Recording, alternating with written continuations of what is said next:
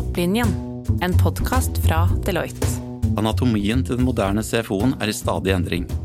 Hva mener administrerende direktør i Ekona når hun sier at dagens CFO-er bør være mer involvert i prosessen for å beholde talentene?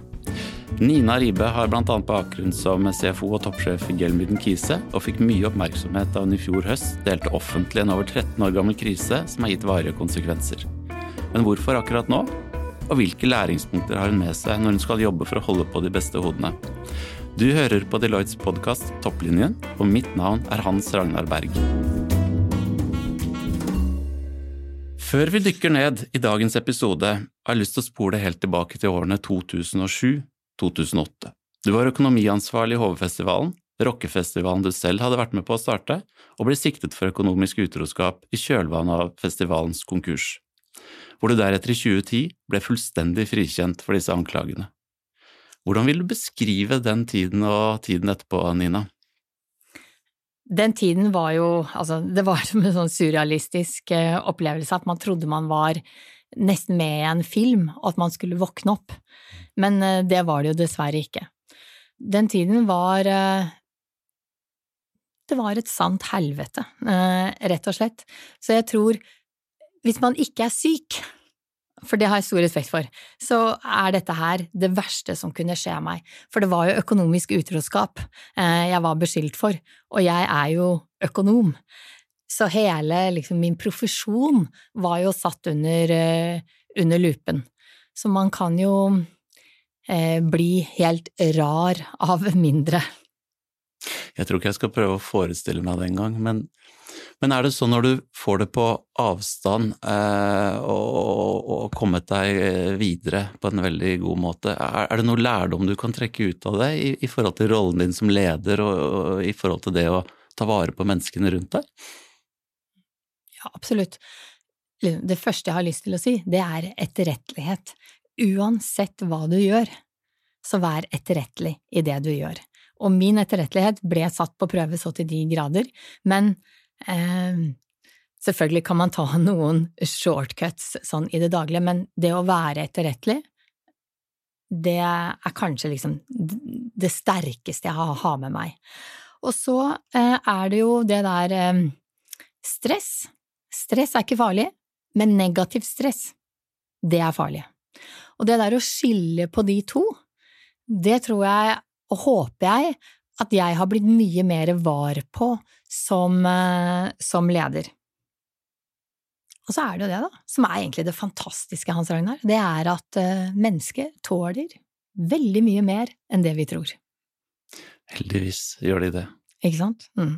Og så tenker jeg hvordan, hvis jeg skal prøve å forestille meg, når man får en sånn sak kasta over seg, og, og, du sier det er viktig å tåle å håndtere stress. Men, men, hvordan går det an å Klarte du å koble av? Fant du dine ladeplasser i, i hverdagen, sånn at du, du, du fikk noen frisoner, eller, eller, ble det altoppslukende? Til tider så var det altoppslukende. Man kunne våkne halv tre på natten. Uh, har jeg sjekket det? Uh, hvor er det de kommer til å stille spørsmål? Og så videre og så videre. Men jeg har alltid vært glad i å trene og, og løpe. Så jeg hvis ikke jeg hadde hatt løpingen min, så tror jeg jeg hadde vært på Jeg hadde hatt en hvit drakt på meg og vært et eller annet sted.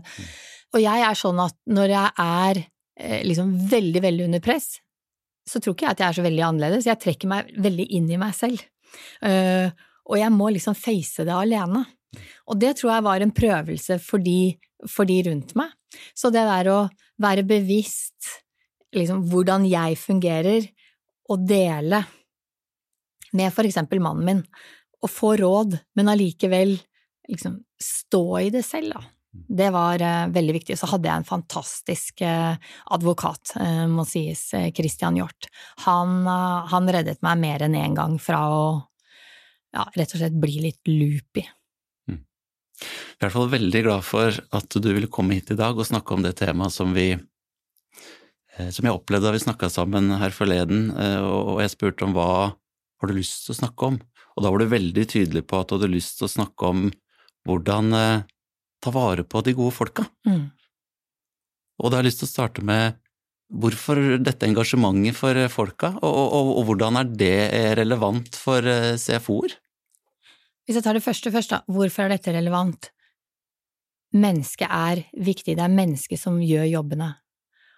I enda mer grad nå enn hva det var eh, kanskje før, eh, så er vi avhengig av å hente ut potensialet i menneskene.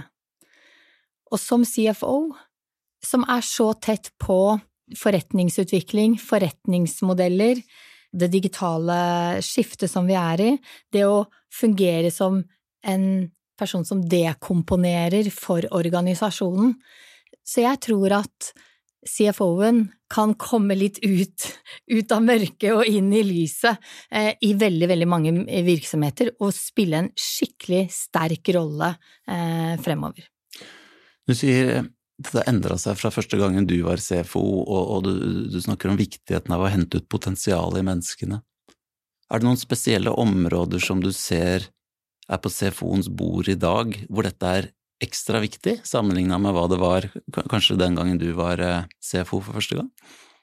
Jeg tror det digitale skiftet er eh, superviktig. Det at eh, CFO-en involverer seg, analyserer hvordan det digitale skiftet treffer egen bedrift, og hvordan de kan bruke det i egne forretningsmodeller, det, det tror jeg igjen. Og så tror jeg bærekraft er jo innover oss. ESG, e rapportering. Og det å ta et sterkt ansvar det, det, for det, det tror jeg er superviktig. Så snakket jo vi eh, sammen om det der å, å eh, mene noe om fremtiden. Det er jo kjempevanskelig, det har jo pandemien vist oss. Hvem var det som trodde at vi skulle inn i en pandemi? Det var, tror jeg ikke var så veldig, veldig mange.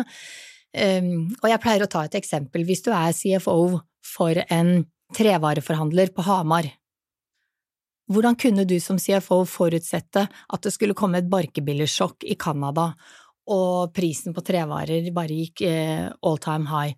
Antageligvis kunne du ikke det, men det sier noe om utfordringene CFO-en står jo overfor det der at du kan ikke bare være opptatt av faget, du må være opptatt av samfunnet rundt deg og forstå liksom, hvilke mekanismer, hvilke trender er det som kommer til å treffe din bedrift, og det tror jeg er nytt.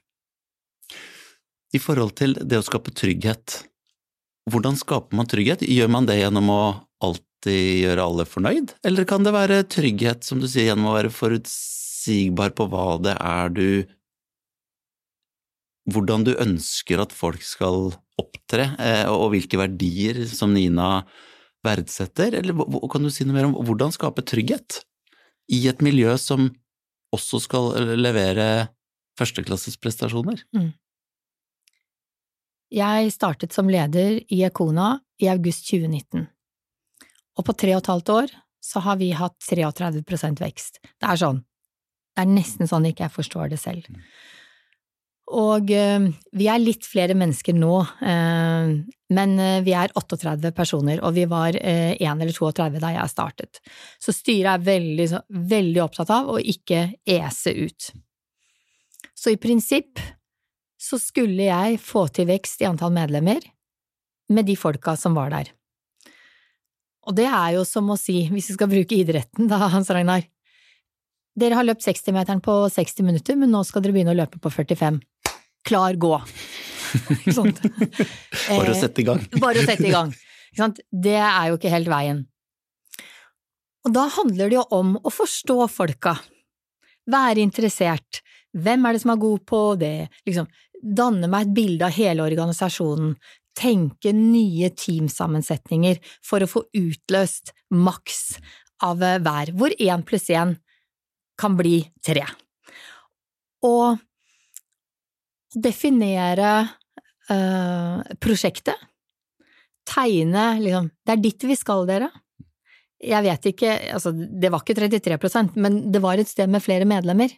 Og hvordan er det det ser ut der? Og å få hver og en til å forstå at i det bildet så har jeg en funksjon. Jeg vil dit. Mm å skape eh, den selvtilliten. Å skape selvtillit, det er jo ikke noe man bare sier 'nå har du selvtillit'. Det er jo å lage et prosjekt som dere sikkert er supergode på her i Deloitte, eh, med litt lavthengende frukter, skape eh, muligheter sånn at folk får selvtillit. Og når den blir liksom satt, det er jo da magien begynner å skje. Men i dette her så er jo forutsigbarhet det aller viktigste. Og nå skal ikke jeg selv uh, fortelle hvordan liksom, jeg er, det får du spørre noen av mine folk om, men jeg tror, uh, jeg tror ikke noen ville si hun er et sånt ja, utpreget ja-menneske. Um, men jeg er tydelig, og jeg tror tydelighet ikke skal, skal forveksles med å være slem eller, eller for krevende. Tydelighet, det gir forutsigbarhet. Mm. De vet jeg kan gå dit, men jeg kan ikke gå i en annen retning. Så forutsigbarhet handler om tydelighet og retning eh, i mitt hode, å få en felles eierskap til den reisen som vi har vært på, og som vi skal forlenge nå. Nå er vi midt oppe i en strategiprosess for de neste tre årene, hvis det gir mening.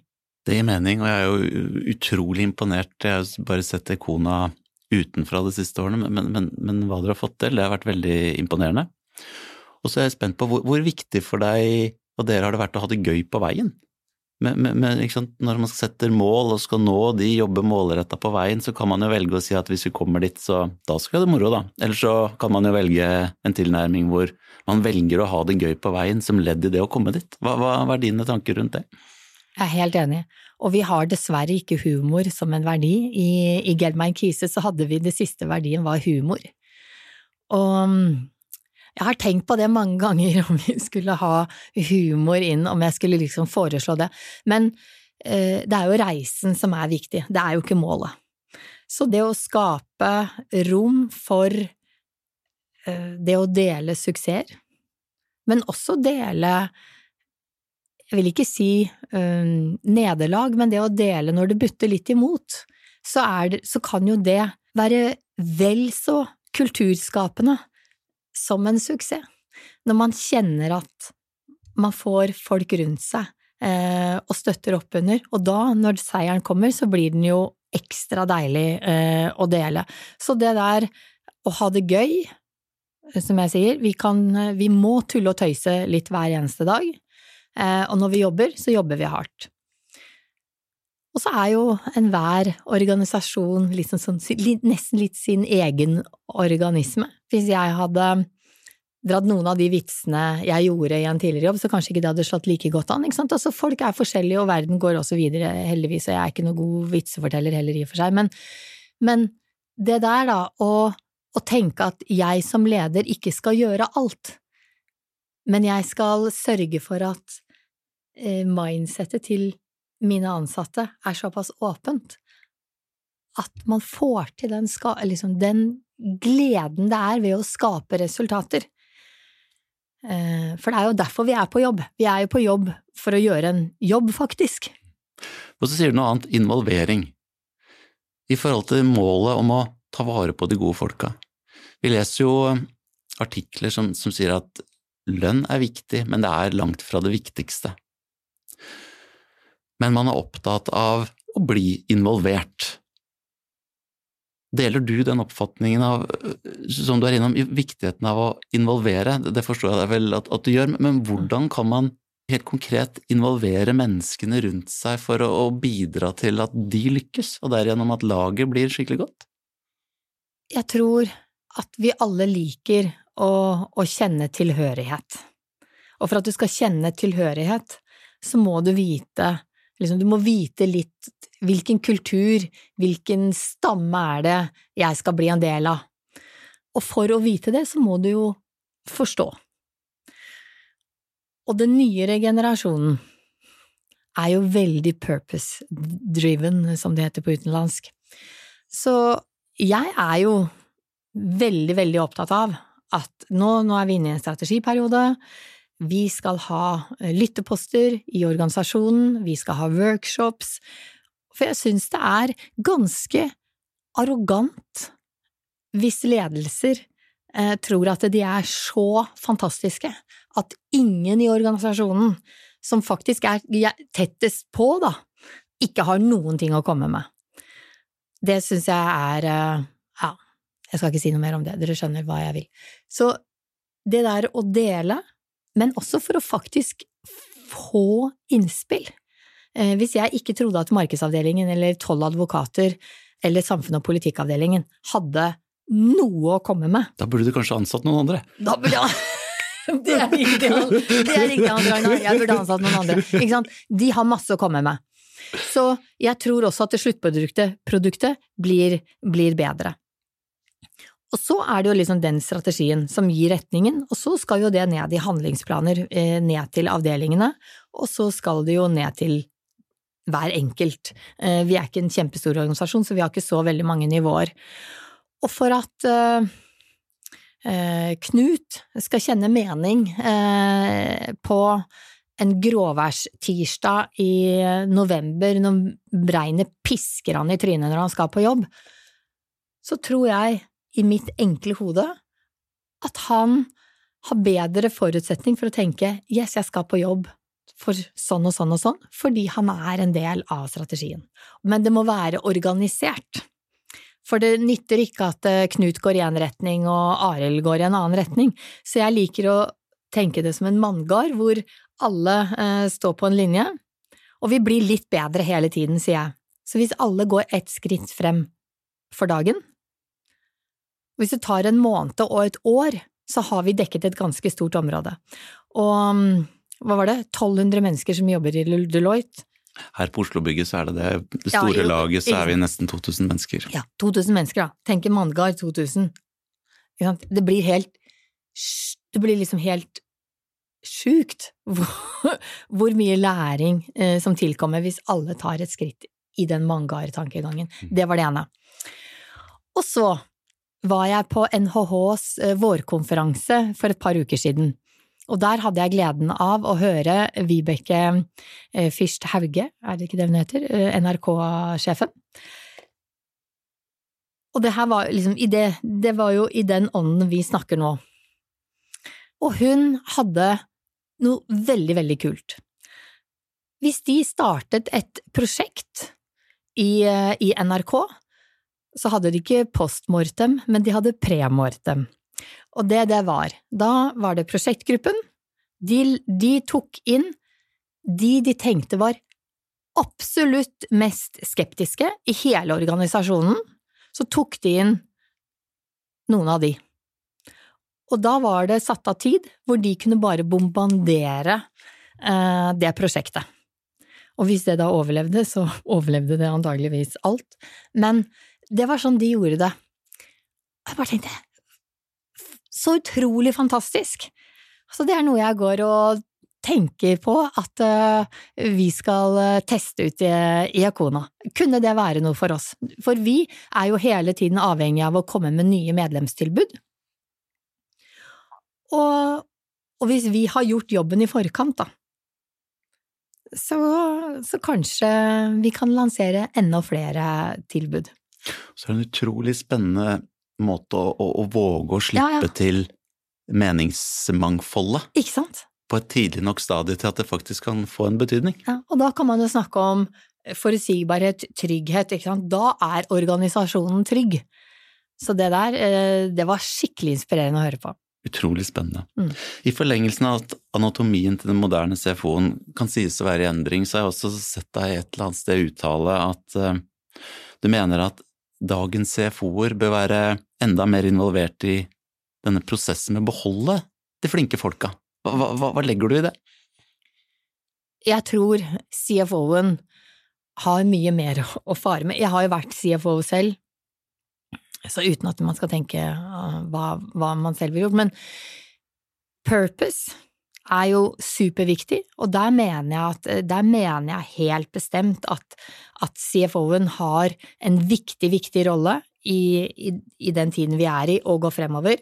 Det der å få det inn i organisasjonen, da, det er jo egentlig en annen måte uh, å tenke, tenke egentlig det samme utfallet på, da, som, som Vibeke-eksempelet. eksempelet. uh, hvordan skal man forutse egentlig det umulige? Eh, og den tanken tenker jeg er utrolig, utrolig viktig at liksom sprer seg i organisasjonen. Hvis du tar markeds-CMO-er, Eh, og jeg vet at vi skal snakke om CFO-er, men bare for å ta det eksempelet. For fem år siden så sa jeg her har det skjedd så mye automatisering, og det digitale har spilt så stor rolle at de, de eh, markedsdirektørene som var liksom the hot shit for ti år siden, de er ikke på radaren lenger. Det er sant, eh, og det har egentlig bare forsterket seg. Og jeg tenker at CFO-en skal ikke gå i den samme fella. Så de må liksom opp på hesten og tenke hva er CFO-ens DNA? Det er jo å tilrettelegge for at driften utvikler seg videre. Og jeg vet at du, Hans Ragnar, er opptatt av SMB-markedet, som du kaller hva er det du kaller det for? Jeg har um, alltid hatt en uh, omtalt det som kjernen av norsk næringsliv. Kjernen av norsk næringsliv, det er helt nydelig. Det er helt fantastisk. Det tror jeg jeg kommer til å rappe. Eller jeg kommer til å, jeg kommer til å gi deg kred for det. Og det hadde vært hyggelig. Ja, nå skal jeg gjøre om du det. bruker det. Ja, ikke det at du gir meg kred, men om du bruker det. Jeg skal gjøre det. Men ikke sant, eh, i mindre bedrifter, da, i kjernen av norsk, eh, norsk næringsliv, som er ikke sant, to til 20 eh, personer, så har CFO-en all mulig, alle muligheter til å bekle en bredere rolle og ta mer aktiv del i forretningsutviklingen. Og utvikling av forretningsmodeller, for eksempel innenfor sirkularitet. Og den, kjære CFO-er, ta den. Du sa i stad, du tok opp dette med trygghet er viktig i lederskapet. Så tenker jeg hvis vi kobler det på noe, noe av den i hvert fall etter min oppfatning, noe av den beste kilden til læring er jo de gangene det er mest ubehagelig, i form av at jeg, jeg skal ikke si dummer meg ut, men at jeg gjør ting hvor jeg bruker lærdommen til å gjøre det annerledes neste gang. Mm. Hva tenker du om viktigheten eh, Eller for det første, hva hva er den mest verdifulle feilen du har gjort, eh, Nina? Jeg har gjort mange feil.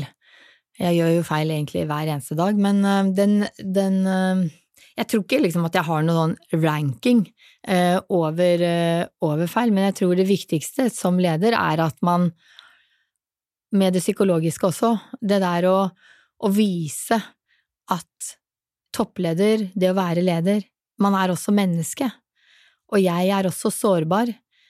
Jeg har ikke alltid alle svarene men sammen kan vi komme fram til det vi tror. Og alt, det er ikke alltid vi vet at det er riktig svar heller, men vi må jo ta et valg, for det verste er jo å ikke ta et valg. Og jeg kunne sikkert blitt liksom bedre på det, men, men uh, i Ekona så, uh, så har jeg 37 kollegaer som er ganske flinke til å si fra hvis jeg tråkker eh, litt feil. Og det tenker jeg, det er jeg ganske glad for. Hvordan skal man bygge en kultur hvor, hvor det er allment ikke bare akseptert, men hvor det faktisk er anbefalt å hver dag gjøre ting hvor man eh, risikerer at utfallet ikke blir som man hadde tenkt? Det er veldig lett å feire suksesser, og jeg vet ikke om det er riktig eller galt å feire eh, at man ikke naila det helt, men det å en idé, og nå snakker jeg samtidig som jeg tenker, og det er sjelden en god idé, men jeg prøver meg. Um, det å For hver seier man har, da, så snakker man om noe som hvor man ikke fikk det ønskede resultatet. Og liksom, hva er læringen av det? Og hvis det blir så stor del av DNA-et, da tror jeg man har kommet langt. Og jeg tror jo det er et, et godt tips, for jeg tenker jo hvis man evner å genuint gjøre det, så unngår man jo ikke For det første så, så tar man vare på menneskene, man lærer av det, og så vil man jo hjelpe alle de kollegaene rundt til å unngå å gjøre det samme, eh, fordi at man kollektivt kan være åpne om at eh, Nina var skikkelig tøff, hun prøvde, Mm. og så gikk det gærent, og vi tror det gikk gærent for de.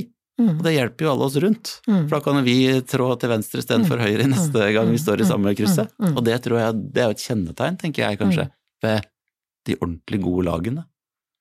Mm. Jeg, jeg, jeg er enig, og vi er Og der har vi et stykke vei å gå, i hvert fall eh, i Ekona, og så nå satte det meg på noe. Basert på din erfaring, har du noen tips til hvordan man eh, kan håndtere og liksom klare å leve med en skikkelig spennende, innholdsrik dag på jobben, hvor, hvor ting skjer i det tempoet man liker og der man er i bevegelse, samtidig som man tar vare på det rundt og skaper den berømmelige balansen. Vi, vi, vi, er, vi, er, vel satt sammen sånn at vi har behov for ulike vekter, men alle må, må ha en balanse som er riktig for en. Eh, har, har, du, har, du, noen tanker om hvor, hvordan skal man klare det når verden går fortere og fortere og forventningene blir større og større? Jeg syns det er utfordrende sånn som jeg tenker, det er eh, å bygge, ikke sant, som CFO, så må du ha et liksom, bygge et godt team rundt deg. Og da er det jo liksom avhengig av hvor, da, hvor bedriften er, hva er det dere vil, men det der å, å tenke mangfold, da, både på det faglige, men også på det menneskelige. Hvis alle hadde vært uh, Nina Ribe uh, i Ekona, så hadde det blitt fryktelig slitsomt. Men eh, hvis alle hadde vært eh, introverte, så hadde, sant, så hadde, ikke det heller flytta noe. Så det der at vi som ledere, CFO eller toppleder eller divisjonsdirektør eller hva nå det måtte være, at vi tar mangfoldperspektivet på alvor. Eh, jeg har, jeg har satt sammen en ledergruppe som er, det er én som er avdelingen for ville og gale ideer. Han er et oppkomme av ideer. Og så har vi en som er litt mer eh, pre-mortem. Og så har vi noen kreative. Jeg har prøvd å tenke mangfold i den ledergruppa.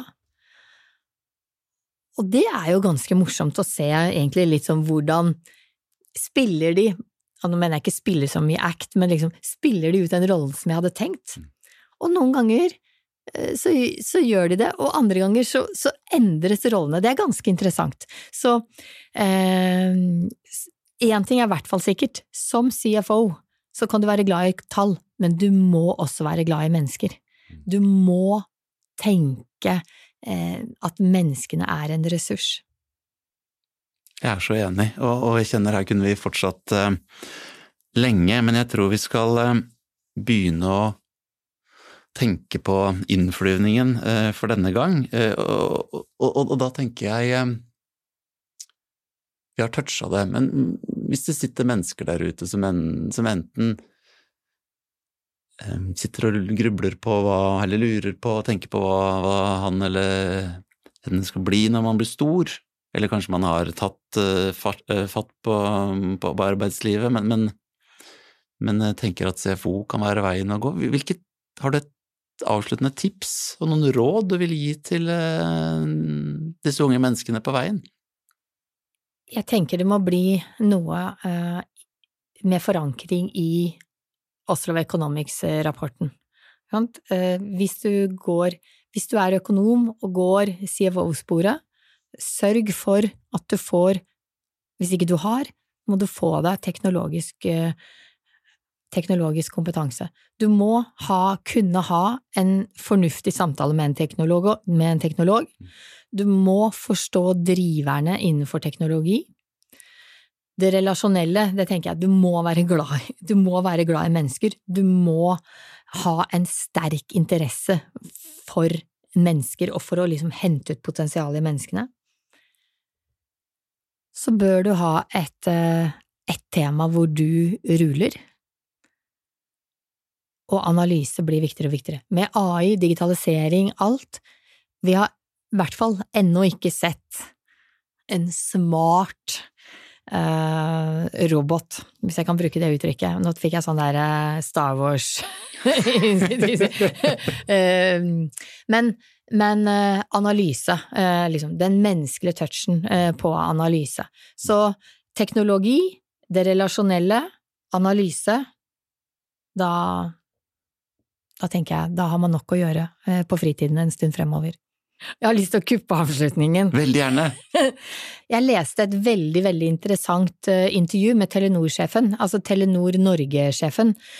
Det intervjuet, det var flåsete sagt mer eh, makt til folka. Mer, mer makt til teamene. Og nå har de 70 ganske autonome team i, i Telenor som skal drive utviklingen videre. Og det tror jeg kanskje Hvis det er én ting som jeg tror kommer til å forandre seg, så så er det det, for det har jeg også grublet litt over. Hvordan skal vi henge med eh, fremover? Og jeg tror vi må slippe opp mer eh, som ledere. Vi må legge mer til rette for utviklingen nær eh, produktutviklingen eller nær tjenesteutviklingen der det skjer, og heller fokusere på hva er det som skal til da, for at det teamet, det teamet og det teamet faktisk kan fatte de riktige avgjørelsene i rett tid, så vi kommer oss videre. Så det var veldig sånn i tråd med det du sa. Veldig godt oppsummert. Jeg er helt enig med deg, Nina.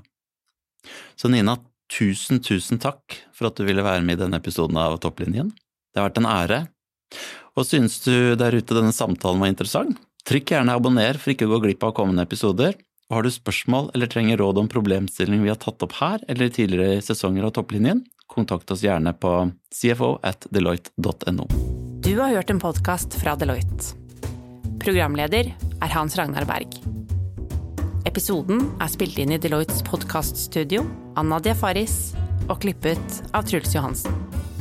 Resten av topplinjen er Charlotte Forlund Gunnhus og Mina Grimstad Karlsen. Vil du bli bedre kjent med våre CFO Services? Trykk på lenken under episoden, eller se mer på cfo.deloitte.no.